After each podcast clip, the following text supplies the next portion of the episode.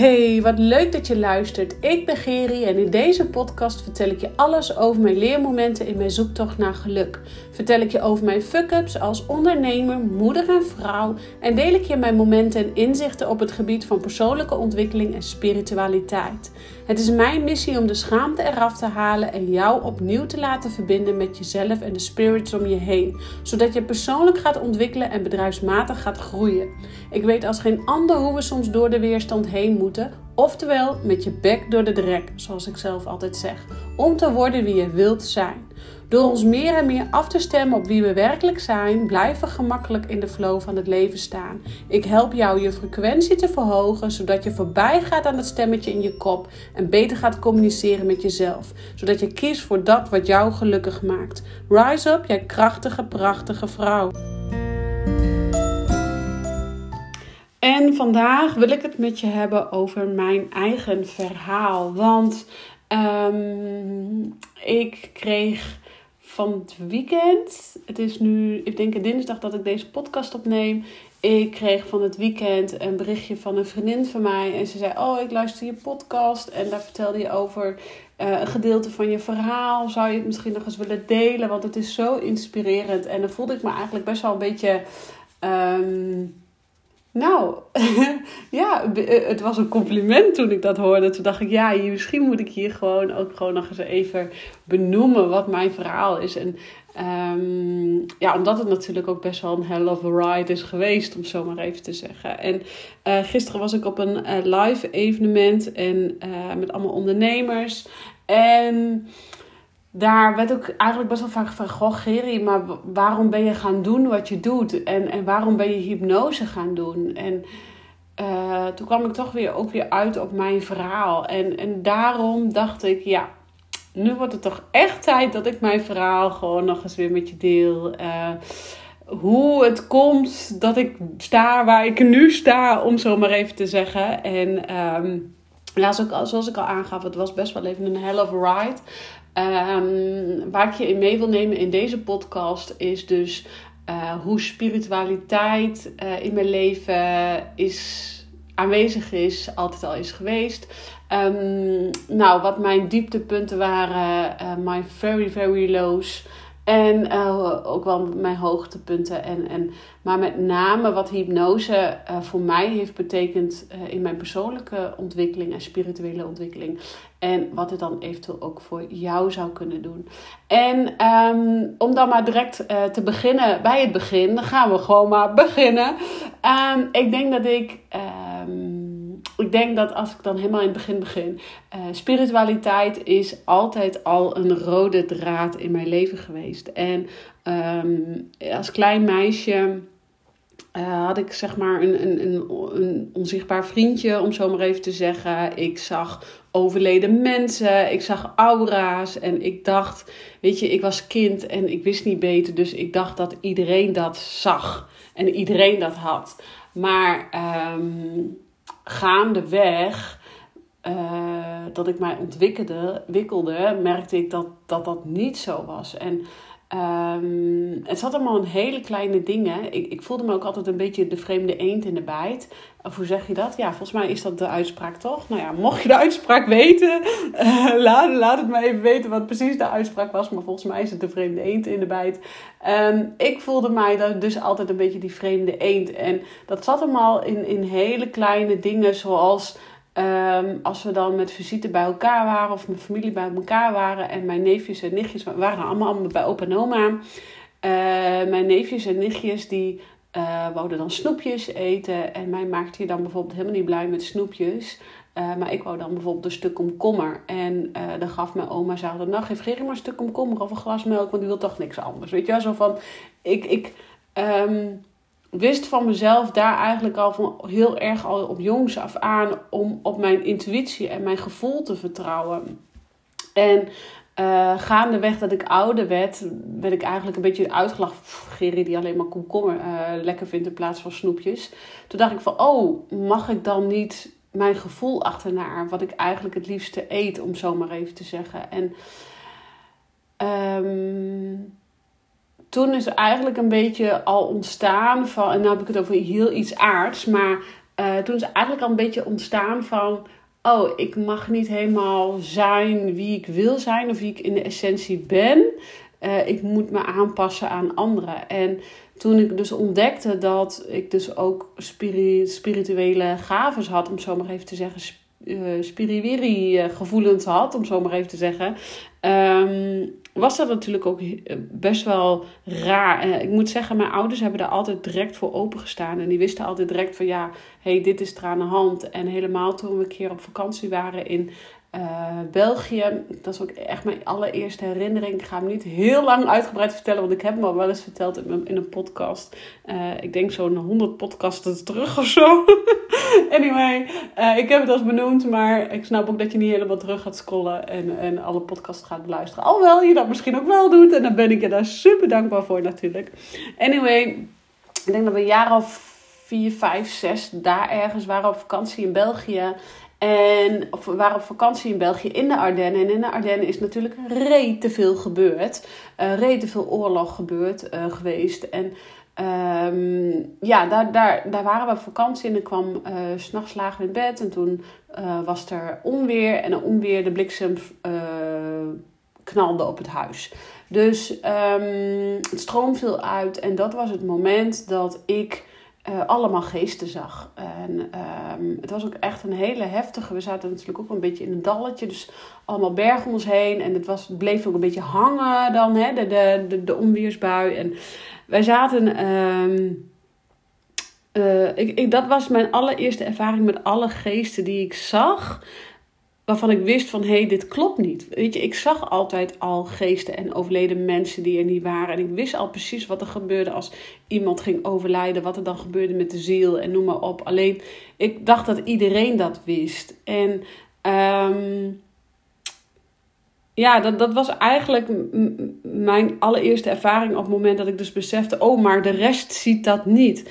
En wat ik dus zag waren allemaal uh, van die soldaten uit de tijd van Napoleon, met zo scherp om een, om een middel, weet je wel, om, om een schouder naar de middel. En ze hadden dus allemaal hun hoofd onder hun arm en een zwaard op de plek van hun hoofd. En, en oh, ik krijg nog weer de kriebels als ik dat zo zeg, maar ja, dat beeld is me altijd bijgebleven. Echt altijd. En dat was natuurlijk ook mijn allereerste ervaring. Dus ik kan de herinnering ook nog zo weer ophalen. Ik krijg echt kippenvel nu over mijn lijf. Uh, maar dat was natuurlijk in de tijd van Napoleon. Is daar in, in, in de Ardennen natuurlijk zo mega veel gebeurd. Uh, met slachtvelden en noem maar op. Dus uh, wat ik zag was dus allemaal mensen in een rood uniform en een wit uniform helemaal op me afkomen. En ze zweefden ook gewoon. En toen dacht ik, oh, en toen moest ik huilen. En ik zei, mama, ik ben bang. Er zijn allemaal mensen hier. En nou, we waren dus met mijn oom en tante en mijn nicht en mijn neef. En uh, mijn ouders en mijn broer en ik. En uh, het zweefde, al die, al die energieën zweefden daar. En ik zag ze bewegen. En het was gewoon doodeng, ze hadden hun hoofd onder een arm. En ik zag al die mensen hier het is druk. En nou, mijn tante die had echt zoiets van, nou die Gerrie die is koekoek. Die is aan het eilen, die heeft koorts, zo weet ik veel wat ze heeft. Maar dat, wat die allemaal uitkraamt, dat is onzin. En mijn moeder die zei direct, nee, ik weet precies wat er aan de hand is. En ze is bij mij in bed gekropen. En uh, het heeft heel lang geduurd. Ik heb volgens mij die nacht ook niet geslapen. Ik uh, in ieder geval, het heeft heel lang geduurd voordat alle energieën, de, de hoge trillingen wegzakten. En ik uiteindelijk dus uh, rustig kon gaan slapen. Maar dat was mijn allereerste ervaring op het gebied van. Uh, dat ik het bewust was. Laat ik zo zeggen dat ik bewust was van hé, hey, een ander ziet het niet en ik wel. En uh, ook omdat mijn tante dus zei, nou die Gerry die, is, uh, die ziet dus koekoek. Terwijl dat ik dacht, ja hallo, hoezo koekoek? Ik, ik ben gewoon, ik ben gewoon Gerry. Dit is gewoon, ze zijn hier gewoon. Kijk dan gewoon, zie dat dan. Weet je wel, dus... Um, en toen is eigenlijk een beetje de schaamte ook een beetje ontstaan van... van wie ik ben, hè? Van, van wie ik wou zijn. En dat dat dus niet helemaal kon. En um, toen, en dan ben je vier, vijf of zes jaar. Ik denk dat ik een jaar of zes was. Ik zal het mijn ouders eens navragen. Maar uh, het was gewoon voor mij heel beschermend en heel fijn dat mijn ouders direct zoiets hadden van...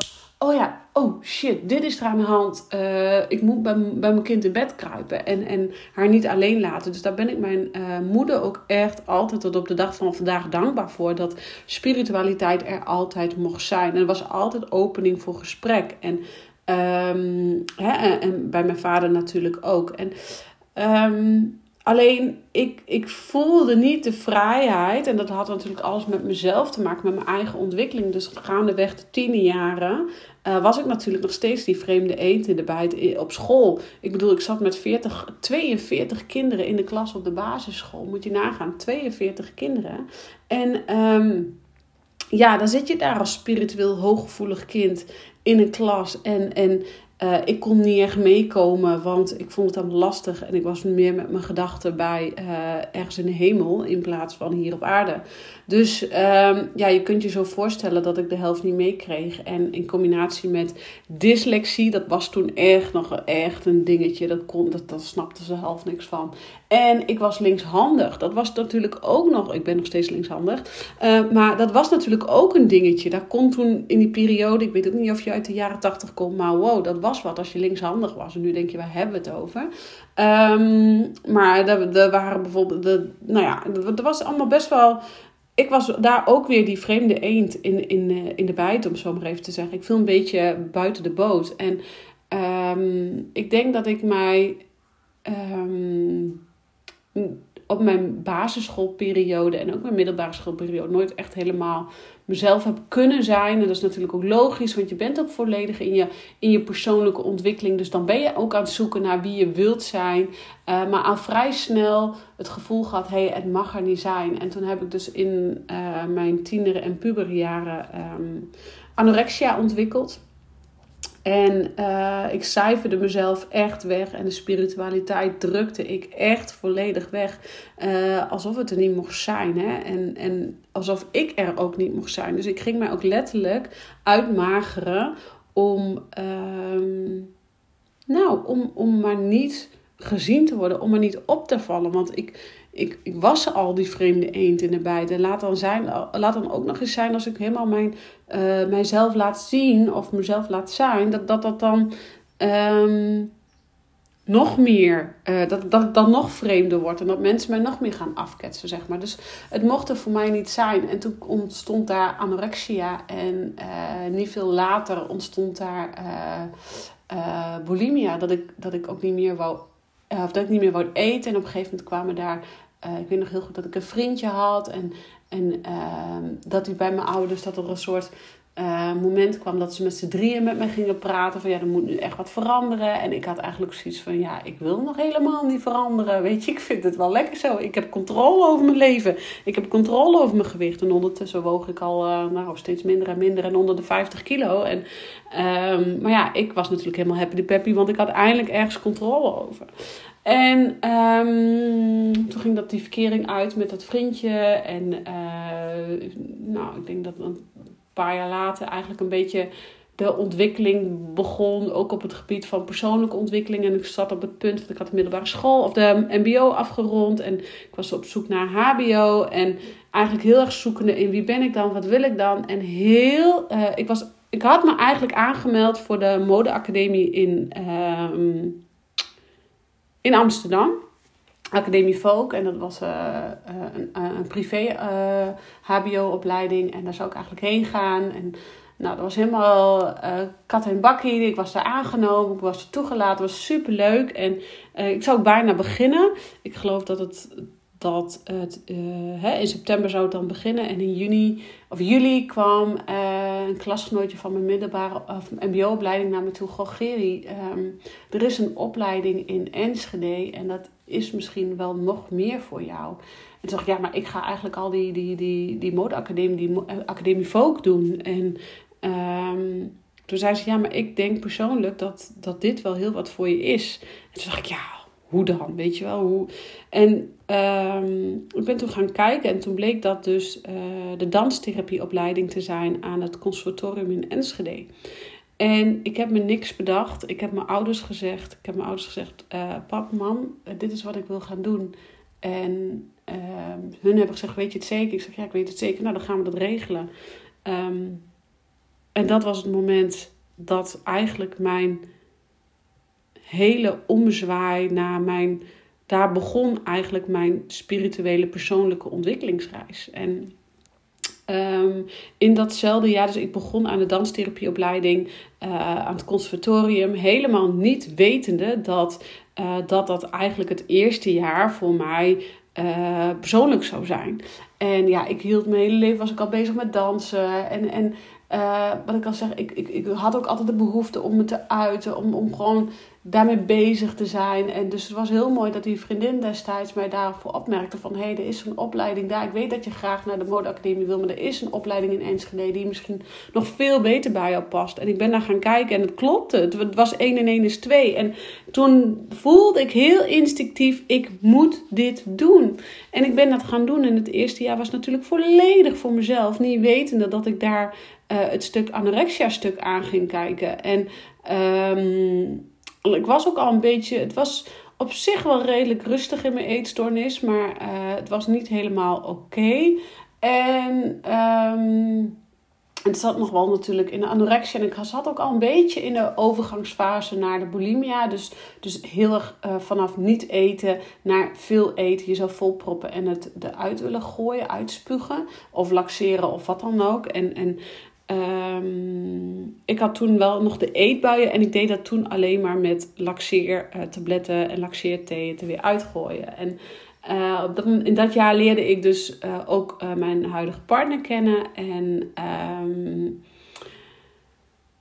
ja, ik, ook, ook, ja daar, daar, daar gebeurde eigenlijk in een vrij korte tijd vrij veel. binnen, um, ja, ik was natuurlijk heel mager ik, ik zat nog vanaf, vanaf, vanaf volop in mijn anorexia. En ineens bleek ik een jaar later, uh, na een jaar lang die opleiding te hebben gedaan. Hè, die opleiding was iets van drie jaar of zo, vier jaar. Vier jaar. En nou, na het eerste jaar, tweede jaar zo'n beetje... Ik ben niet helemaal duidelijk, merk ik. Maar in ieder geval, twee jaar later bleek dat ik zwanger was. En... Um, ja, dat was best wel intens. En eh, ik was ondertussen 22 dat, dat mijn oudste dochter Noek is geboren. En daarna kwam ik eigenlijk in een hele heftige bulimia-periode terecht. Ik heb dus al zwanger en, en zwanger zijnde de, de opleiding zo'n beetje afgerond en mijn diploma gehaald dat, dat, dat Noek al geboren was. Um, dus dat was best wel intens. Dus op de diploma-uitreiking was daar zo'n klein babytje was daarbij, zeg maar. En uh, het was heel mooi hoor. De opleiding heeft mij echt zoveel. Dat was echt mijn, mijn, uh, mijn begin van alles eigenlijk. En um, nou ja, om dus even een beetje fast forward te gaan. Um, die periode dat, dat mijn oudste is geboren was, was best pittig. Want ik was 22. Ehm, we hadden geen geld om de kont te krabben, om zo maar even te zeggen. Al mijn vriendinnen waren aan het stappen, aan het studeren en, en noem maar op. En ik had in één keer een babytje waar ik voor moest zorgen. En uh, mijn eigen emoties. Ik bedoel, uh, zwanger zijn is al heftig. Uh, kan heftig zijn met alle emoties die erbij komen kijken. Um, bevallen. Ik bedoel, een heel heftig bevallingsverhaal. Wie heeft dat niet? Um, ja dat moest ik allemaal een beetje, voor mijn gevoel, een beetje alleen verwerken. Uh, dan in één keer emoties dus voor jezelf en de emoties van een babytje. Wat weet je nou als 22-jarige over baby's? Ik bedoel, ik had me 0-0 ingelezen en internet was toen ook niet echt aan de orde dat ik dat allemaal ging opzoeken. Zoals je er nu op Google kunt opzoeken van hé, hey, mijn kind huilt, wat is er aan de hand? Dus um, ja, dan hebben we het toch wel even over, over 15 jaar geleden. En um, ik raakte daar heel erg diep in. Uh, ik denk dat ik ook wel een postnatale depressie heb gehad, als achteraf gezien, als ik dat bekijk. Maar ik, ik raakte daar heel erg in de bulimia. Dus, uh, en, en ik was al een beetje in de bulimia van het laxeren met laxeertabletten en laxeerthee. En, en mijn darmen echt kapot maken. Maar ik ging maar door en ik ging maar door. En um, na de geboorte van mijn oudste dochter is daar dus uh, eigenlijk ook het het, laks, uh, het, het spugen bijgekomen.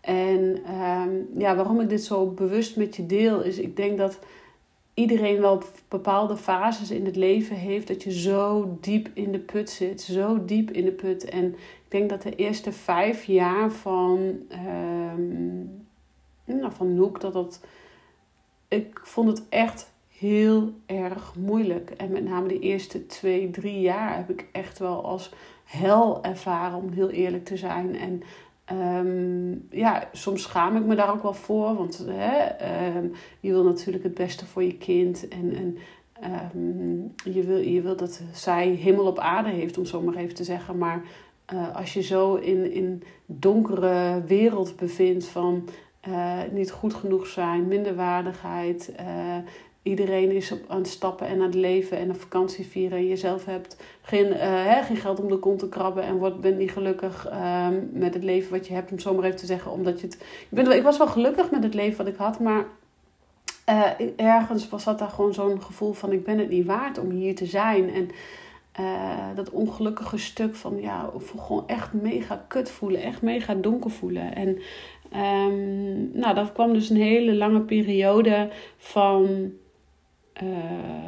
spugen, laxeren, overleven, frustraties, boosheid, verdriet, niet om, mee om kunnen gaan.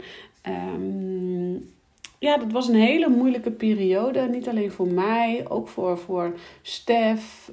Um, ja, voor, voor onze, ik denk onze ouders wel, die het, die, en, hè, mijn broer en zijn broer, die hebben echt wel, iedereen heeft echt wel gezien van, oh, als dat maar goed gaat, weet je wel. Ik, ik denk wel dat dat wel aan de orde was. Um, en het was ook gewoon echt intens. En uh, niet iedereen wist dan dat ik een eetprobleem had, maar iedereen wist wel dat het gewoon pittig was, dat ik het moeilijk had. En um, ja, het was echt een hele intense periode. En op een gegeven moment was Noek 2014, was Noek al wat ouder. Um, ja, toen stond ik weer voor de zoveelste keer met mijn kop boven de pot. Uh, letterlijk het eten eruit te spugen. Het, het, ik was dan met een eetbui al bezig wat ik moest gaan eten. Zodat ik het er weer lekker um, weer makkelijk uit kon gooien. Dus dan hadden, haalde ik ook letterlijk dat eten in huis. Zodat ik wist van, oh ja, dat kan ik dan in ieder geval er weer uitgooien. En dan gaat het kotsen, het spugen, gewoon letterlijk wat makkelijker. Ja, zo erg ging het met mijn uh, eetbuien. En um, 2014 heb ik een auto-ongeluk gehad. Um, en dan kreeg ik EMDR-therapie. En met die EMDR-therapie kwam eigenlijk zoveel stukken naar boven. Niet zozeer alleen van het auto-ongeluk, maar eigenlijk die afgelopen jaren. Uh, hoe ik op standje overleven heb gestaan en mezelf continu weer um, nou, door die diepe shit heen ben gegaan. En toen dacht ik, ja, hier, hier moet ik wat mee. Hier moet ik. Uh, toen kreeg ik het auto-ongeluk, de vrachtwagen reed achter op mij. En ik moest ook echt weer de tijd nemen om. Ik kon niet meer werken. Ik moest de tijd nemen om, om te herstellen. Met zo'n re revalidatietraject. En um, ja, ik, ik word ook wel weer even geraakt, merk ik, na die periode. Want het was echt intens. En ik denk dat daar toen dat ik dacht van ja, nu moet er echt hulp komen om... Um, nu moet ik van die eetbuien af. Het, is nu klaar. Ik kan niet meer. En ik, hè, wat ik zeg, ik stond voor de zoveelste keer weer uh, voor de spiegel mijn tranen weg te vegen. Mijn mond schoon te maken van de kots wat, wat ik weer uh, van het eten wat ik had uitgekotst. Uh, keel die zeer deed. Uh, rode ogen. Ehm, van, die, van die adertjes uitbarsting in de ogen. Hartkloppingen. Ik had hartkloppingen van heb ik jou daar. En gewoon van al, het, al dat, dat, dat braken. En... Um, en dat was dan niet gewoon één keer op een dag. Nee, het was soms wel vijf, zes keer op een dag. En, en en dat hield niet op. Op de hele heftige dagen hield het niet op. En ik was gewoon op een gegeven moment. Uh, ging ik dus in therapie. En dan ging ik eerst in drie keer per week in de therapie. En, en toen was ik op een gegeven moment al blij dat ik gewoon één keer per dag een eetbui had. En dat ik die één keer per dag eruit kotste. En dat was voor mij dan echt een overwinning. Dat ik gewoon één keer per dag een eetbui had. En um, op een gegeven moment toen werd dat natuurlijk dat ik uh, nou één keer in de twee dagen een eetbui had en, en dat eruit kotste. Op een gegeven moment werd het de eetbui nog wel, maar werd het kortste, kon ik het kotsen, zeg maar het spugen, uh, ging ik niet meer doen en het laxeren ging ik niet meer doen. En dat was ook echt een mijlpaal in de therapie. Ik kan me nog herinneren dat mijn therapeut uh, ook zo blij was. Echt zuid letterlijk met de tranen in de ogen stond van... Goh, je hebt gewoon nu al een paar maanden niet meer gespuugd en gelaxeerd. Het, was wel, het leek wel um, een soort alcoholverslaafde die dan zo'n eerste muntje, wat je al in de films ziet, zo'n zo'n muntje krijgt van dat je clean bent. Weet je wel, om zo maar even te zeggen. En zo voelde het ook. Het was ook echt een overwinning. En die overwinningen die vierden we ook um, tijdens onze, onze therapiesessies. En um, ja, ik hing daar dus, hè, een van die laatste keren kan ik me echt nog herinneren dat ik uh, was ook in het huis waar wij nu woonden. Um, waar we nu wonen. En ik hing boven de pot. Uh, huilen, snotterbellen. Hè, de snot wat langs mijn neus ging. Uh, het kotsen van uh, het eten wat er dan weer uitkwam. En ik dacht bij mezelf, dit, dit, het is nu drop of de ronde. Het moet echt anders. En daar is eigenlijk ook een beetje mijn um, gevoel ontstaan van... Um, ieder moment is een nieuw moment. En ik weet nog dat dat, dat, dat iets is wat ik op een briefje kreeg van iemand. Ik kreeg een soort eigen gemaakte boek, boeken leggen. En had iemand voor mij gemaakt, ik weet helemaal niet meer precies waarvan. En er stond op: ieder moment is een nieuw moment.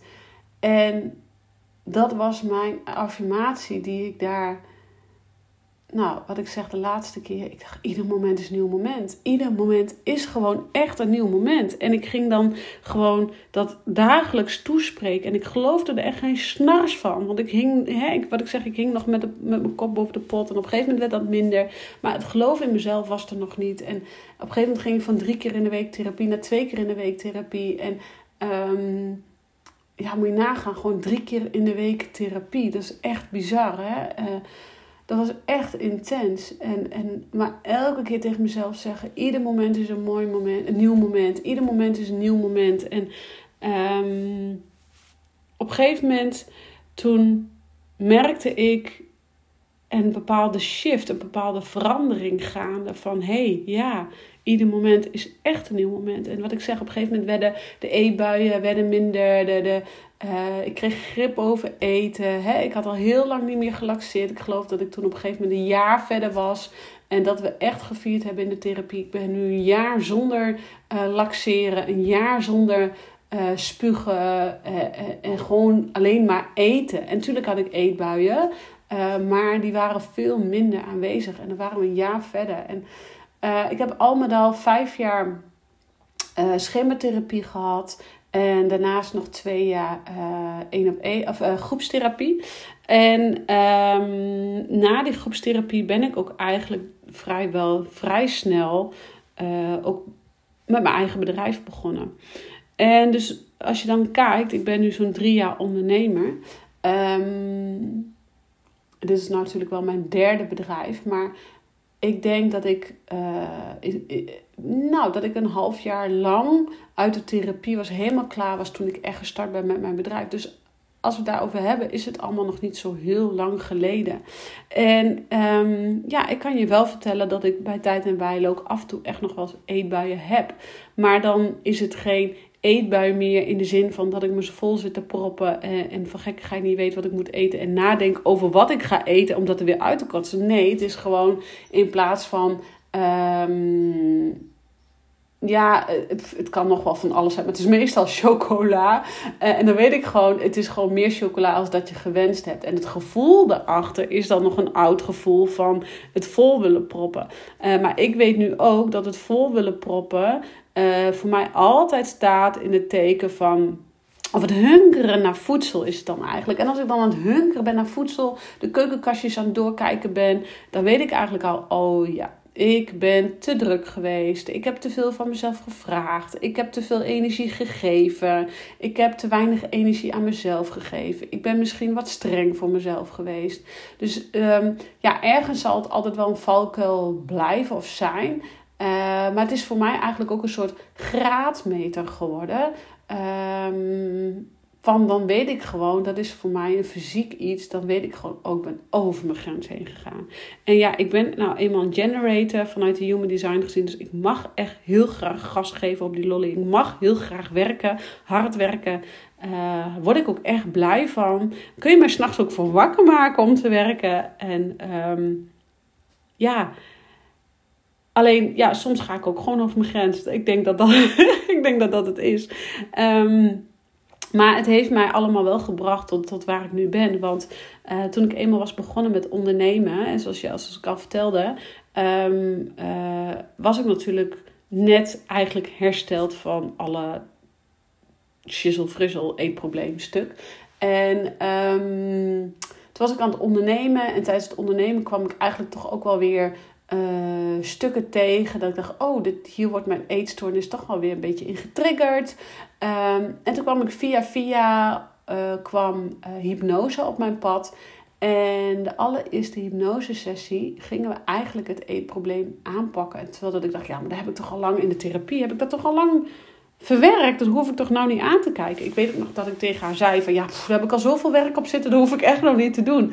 Maar toen zei ze ja, tijdens de hypnosesessie kwam dat dus toch wel naar boven. En de allereerste hypnosesessie. En we deden een, een, script en, en um, die, die pas ik ook heel vaak toe tijdens mijn sessies. En ja, zo noem je dat dan. Op het moment dat je hypnose doorgaat, ga je een bepaald script doorlopen. Soms ga ik freewheelen, soms hou ik een script vast. Het is maar net op dat moment wie, wie ik tegenover mij heb zitten. Maar um, in ieder geval, we deden een script, Dolhof script zoals dat noemen. En um, daarin um, kwam ik mijn eetprobleem tegen en kon ik het zien. Kon ik de angel zien. Kon ik zien waar het vandaan kwam, waar de oorsprong lag. En kon ik uh, de angel met wortel en al eruit trekken. En sindsdien heb ik het achter mij kunnen laten, die oude pijn. en wat ik zeg, als ik natuurlijk heb ik af en toe echt nog wel eens dat ik ehm, over mijn grens heen ga, dan heb ik een eetbui, maar dat is, is geen eetbui meer. Maar het is soms nog gewoon even het gevoel dat je net iets te veel gesnaaid hebt dan dat je eigenlijk lief is. En volgens mij doet iedereen dat. Dus ehm, alleen is daar nog af en toe heel af en toe een oud gevoel bij dat het dan, nou, voor mijn gevoel niet goed is.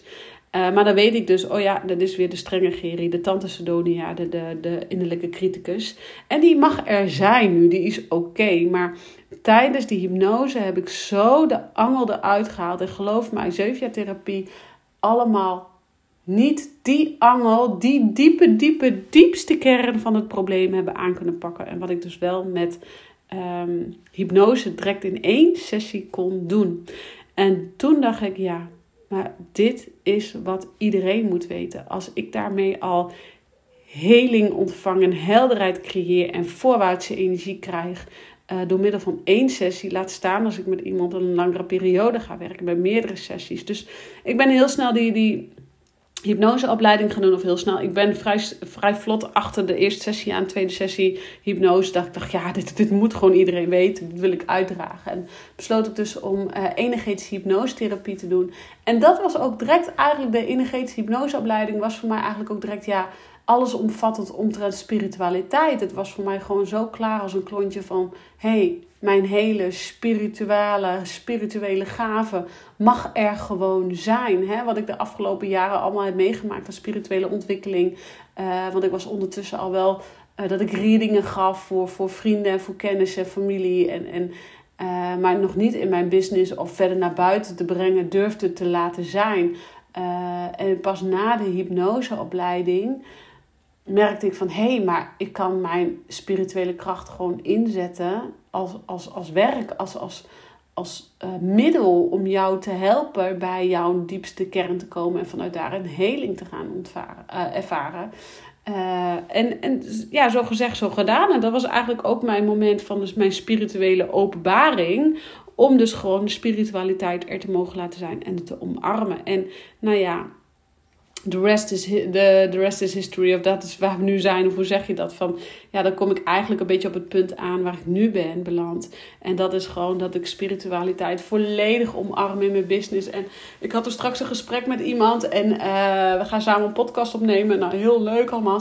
We kregen het zo ook over dat er nog zo'n wazig uh, verwachting ligt omtrent spiritualiteit. Dat mensen dan direct denken met spiritualiteit, dan denken ze direct over geitenwolle sokken en, en uh, wie, de hele dag met wierook in de handen lopen en uh, in een om je vingers op elkaar op een yogamatje zitten. Nou, zo, zo is het natuurlijk helemaal niet. En mensen zeggen ook heel, heel vaak tegen mij, Gerry, dat jij zo aards bent en, en zo nuchter en spiritueel tegelijk. Hoe dan? Ik denk, ja, hoe dan? Um, dit is gewoon wat spiritualiteit is. Is heel aards en is heel nuchter. Maar we maken het allemaal zelf zo zweverig en zo, zo spannend. Omdat we het gewoon allemaal doodeng vinden. Want we gaan bij ons gevoel komen. En voelen is eng. En uh, uh, Dominique, de businesscoach van mij, waar ik uh, in het verleden was, een traject heb afgenomen. En ik werk dus nog voor haar. Uh, zij zegt altijd, ja, jij bent Miss Emotion. Ja, ik ben ook echt, ga maar naar Miss Emotion, zegt ze dan. Maar ja, dat is ook echt zo. Je gaat bij mij emoties voelen. Je gaat bij mij voelen. Je gaat, ik zet je gevoel gewoon weer aan. En, en daarbij kom je in de actiemodus. En ja, daar helpt hypnose dus echt mega goed voor om jou... Um, jou te helpen verbinden met wie jij in essentie bent. Zodat jij je ziel en zaligheid gaat voelen. En uh, dat jij gaat voelen: hé, hey, ik heb hier wat te doen op aarde. Ik, ik uh, mag naar mijn geluk. Ik mag naar voorwaarts. Ik mag. Uh, mij verbinden met mezelf en gewoon helemaal oké zijn met wie ik ben. En, en alle dieptepunten en alle hoogtepunten. Het, het hoort gewoon allemaal bij wie ik in essentie ben. En hypnose helpt jou dus om um, heling op een diepere laag, die, die, die, die fijne energie weer toe te laten in je lichaam. Dat jij jezelf gaat accepteren, dat je jezelf die liefde gaat geven, dat je jezelf voelt. Ik ben veilig, ik ben goed genoeg. En vanuit daar stappen voorwaarts gaan zetten. En ik merk ook aan al mijn klanten uh, dat zij daardoor één op één of één voor één veel bewuster uh, in het leven staan. Veel meer besef hebben van uh, ja, ik ben ook gewoon goed genoeg. En ik mag ook gewoon mijn missie uitdragen, mijn zielsmissie uitdragen. En um, dat is wat hypnose met jou doet. Die haalt echt de angel uit het probleem. En het maakt niet uit uit wat voor gezin van herkomst je komt. We maken allemaal shit mee in het leven. En of dat nou inderdaad een, een heftig bevallingsverhaal is, of iets wat je uit je jeugd hebt meegemaakt, of misschien van je eigen geboorte bevalling. Want daar zit ook heel veel trauma's op, wat we gewoon helemaal niet kunnen verwerken, omdat we als babytje geboren worden en daarna nooit meer stilstaan bij onze eigenlijke echte geboorte. Uh, want als ziel is het gewoon helemaal niet fijn om geboren te worden. En is doodgaan eigenlijk veel fijner, omdat je dus um, weer teruggaat naar het hiernamaals, naar de zielenwereld. Maar wij hebben daar heel iets angstig van gemaakt omdat wij dan mensen gaan verliezen. En wij willen niet iemand verliezen. Dus wij willen het ook niet aandoen dat mensen om ons heen ons gaan verliezen. Dus zegt ons ego, ons brein, ja dat is eng. Dood is eng. Terwijl de dood eigenlijk dat dat, je kunt niets mooiers hebben als dat, want je mag terug naar, naar de zielenwereld. Uh, neemt niet weg dat ik, uh, ik wil nog lang niet dood. uh, al moet ik wel zeggen dat ik in de hele donkerste periode echt ge gevoelens had van ik wil hier niet meer zijn. In mijn hele diepere, donkere jaren, met name na de, de geboorte van mijn oudste, heb ik echt jaren periodes gehad dat ik, dat ik hier niet meer wou zijn. En nu heb ik dat absoluut niet. Maar um, als je, je kunt je zo voorstellen, als je dus met jouw uh, voor de zoveelste keer weer kotsend boven de pot hangt, de snot uit je neus druipt en uh, de tranen over je wangen biggelen, um, omdat je weer voor de zoveelste keer staat kotsen, je gewoon helemaal ver verwijderd bent van wie je in essentie bent. En je hoeft het misschien niet zo'n diep, diepe shit mee te hebben gemaakt als ik heb meegemaakt uh, om met hypnose aan de slag te gaan. Het mogen ook mindere diepe uh, stukken zijn, maar het kan voor jou heel, wel heel diep zijn en heel diep geworteld zitten. En bepaalde patronen zich elke keer weer herhalen of bepaald kopingsmechanisme elke keer bij jou de kop opkomt. Uh, wat je eigenlijk wil onderzoeken of ontdekken. Of misschien heb jij wel. Ik had vanochtend een klant en die, die valt bijvoorbeeld elke keer op onbereikbaar, onbereikbare mannen. En die heeft nu een relatie waar zij, haar man dus wel uh, heel toereikend is voor haar. Ehm, en die zijn ze ook net getrouwd en allemaal hartstikke fijn. Maar daarvoor had ze altijd relaties met uh, getrouwde mannen. En ja, wat zegt dat over haar dat dat systeem elke keer weer terugkomt? Dus dan gaan we daar met uh, hypnose naar kijken en met een stukje familieopstelling naar kijken. Ehm, maar dat is even als voorbeeld. Maar misschien heb jij wel andere stukken van uh, jezelf continu naar beneden halen, jezelf niet goed genoeg vinden, jezelf het niet waard vinden. Uh, misschien in je business dat je elke keer tegen hetzelfde stukje aanloopt, dat bijvoorbeeld nieuwe leads altijd nee zeggen, of, of uh, tijdens een traject halverwege mensen gaan stoppen, of wat voor smet heb jij ergens op zitten, om zo maar even te zeggen. En dan kunnen we met hypnose kijken naar de angel, want op het moment dat het klikt bij jou, dat er iets klikt in jou, dat je het snapt, dat je het begrijpt waar de angel is, dan, dan raak je het kern, dan raak je de kern van de root, uh, uh, van de wortel en kan je de wortels eruit trekken. En op het moment dat jij met hypnose de wortels eruit trekt, haal je echt de angel uit het probleem en kan jij verder voorwaarts. En daarom is hypnose zo'n sterke, krachtige tool en daarom... Um, vind ik dat iedereen dat moet weten. Echt iedereen dat moet weten. En helemaal wanneer je aan het ondernemen bent. Want ondernemen is gewoon een uh, af en toe ook een hell of ride. Ik bedoel, dat is, nee, dat moet ik anders zeggen, dat is een bumpy ride. Hè? Ondernemen is echt een bumpy ride. En, en met name dat je continu weer staat voor het maken van keuzes. Jij groeit persoonlijk en je business hobbelt erachteraan. En soms dan groeit je business sneller en dan hobbel jij erachteraan. En hoe blijf je in balans met uh, je business en je moederschap en jezelf. En je bent nog een partner. En, en nou ja, al die ballen hoog houden. Dus... Um, ja, hypnose helpt jou echt naar de kern, naar de angel van het probleem en naar jouw kern, jouw ziel en zaligheid van wie jij in essentie bent. Ik zie dat ik ondertussen al aardig aan het lullen ben. Um, wat ik van je wil vragen, omdat het best wel een persoonlijke podcast was, uh, is, was, is. Um, laat me alsjeblieft weten wat jij vond. Of je er voor jezelf waarde uitgehaald hebt. Of je misschien bepaalde herkenningpunten vindt. Of uh, Deel mij ook jouw verhaal. Wat is jouw levensverhaal? Want uh, niet dat er direct mee wat mee moet gebeuren. Maar ik vind het zo fijn om van je te horen waar.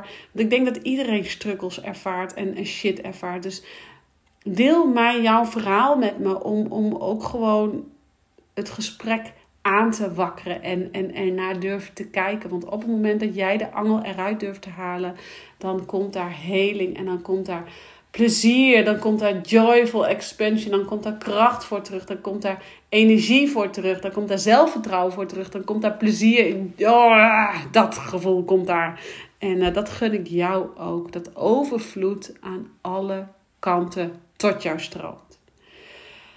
Ah, een hele bevalling was dit. ik dank je weer voor het luisteren. Laat alsjeblieft even een reactie achter Deel in je stories dat je deze podcast deelt. Want hoe meer mensen deze podcast luisteren.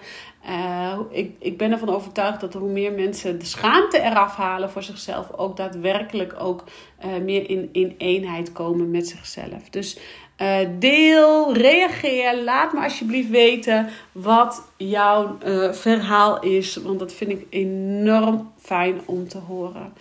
Ik bedank je weer voor het luisteren. Ik wens je een hele fijne dag, middag of avond of waar jij je ook bevindt. En ik zeg ciao voor nu.